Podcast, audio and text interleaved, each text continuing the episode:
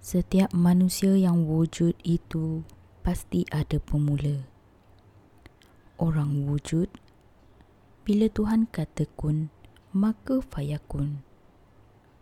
Orang sampai sekarang persoalkan, kenapa orang wujud? Tapi pemikiran itu sering terkambus.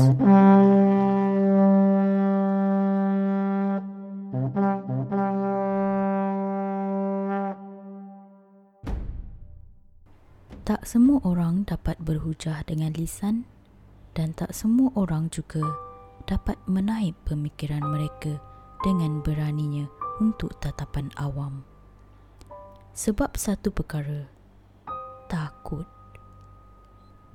Takut ditolak mentah sebelum mencuba itu lebih mereka rela dari dihina kerana idenya yang tidak seberapa samalah seperti orang. Orang pada awalnya langsung tidak berani untuk bercerita secara awam. Orang mudah panik dengan keriuhan yang menyepikan. Jadi, orang pilih untuk menulis. Menulis untuk lari dari realiti menulis untuk butakan pandangan yang terlalu kabur untuk diterjemahkan tanpa sebarang penggunaan kacamata. Namun, apa yang ditulisnya hanya menambahkan kekosongan. Nihil. Semakin ditulis, semakin kosong kertasnya. Wahal tintanya sudah kehabisan dah kuat. Orang selalu berdoa agar Tuhan ambil saja nyawa kala orang masih kecil. Kala belum akil balik. Kala dosanya masih di bahu orang lain. Paling tidak, anak kecil matinya tiada dosa. Be careful what you wish for, kata mereka.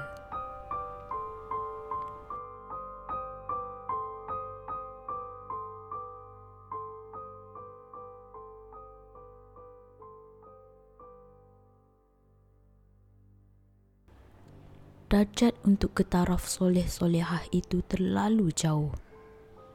Jauh sampai merentas jalan yang sama pun orang masihkan sesat. Jalannya juga panjang tanpa sebarang hentian. Alih-alih, dia sudah naik perahu dikala semua orang naik kapal. Dia kata kapal hanya untuk kelas atasan. Walhal, perahu yang dia naik itu juga sudah mahu karam. Nyatanya manusia itu memang tidak senang kan bila kita tidak bercampur sama mereka. Ada saja yang tidak kena. Ada saja cerita yang akan direka.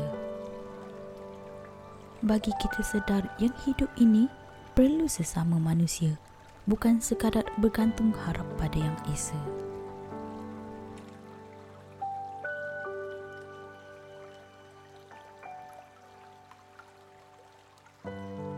Apa yang membuatmu memilih untuk kembali nihil? Tanya dia. Aku memandangnya kosong. Berharap agar soalan itu dijawab oleh angin.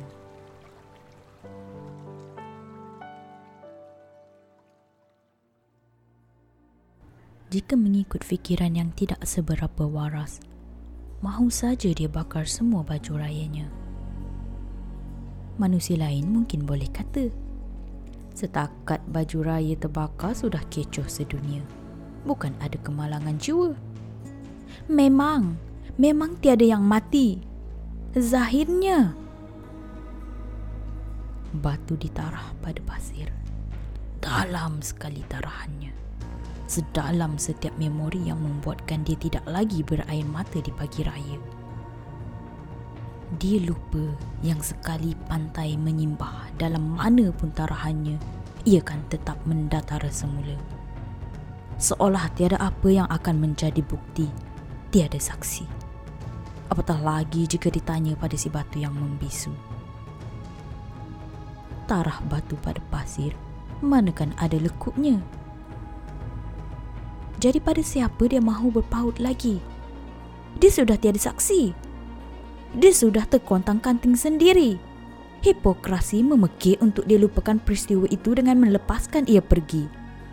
Seperti dedaunan pohon yang rela gugur di musim luruh. Mudah kan? Mudah kan? Dedaun dikutip direnyuk dalam genggaman hingga tinggal jebisan dan dibiarkan bertiupan di bawah angin. Seperti jiwanya yang melayang. Dia kecewa. Dia kecewa. Hingga merasa kehempedu pahitnya.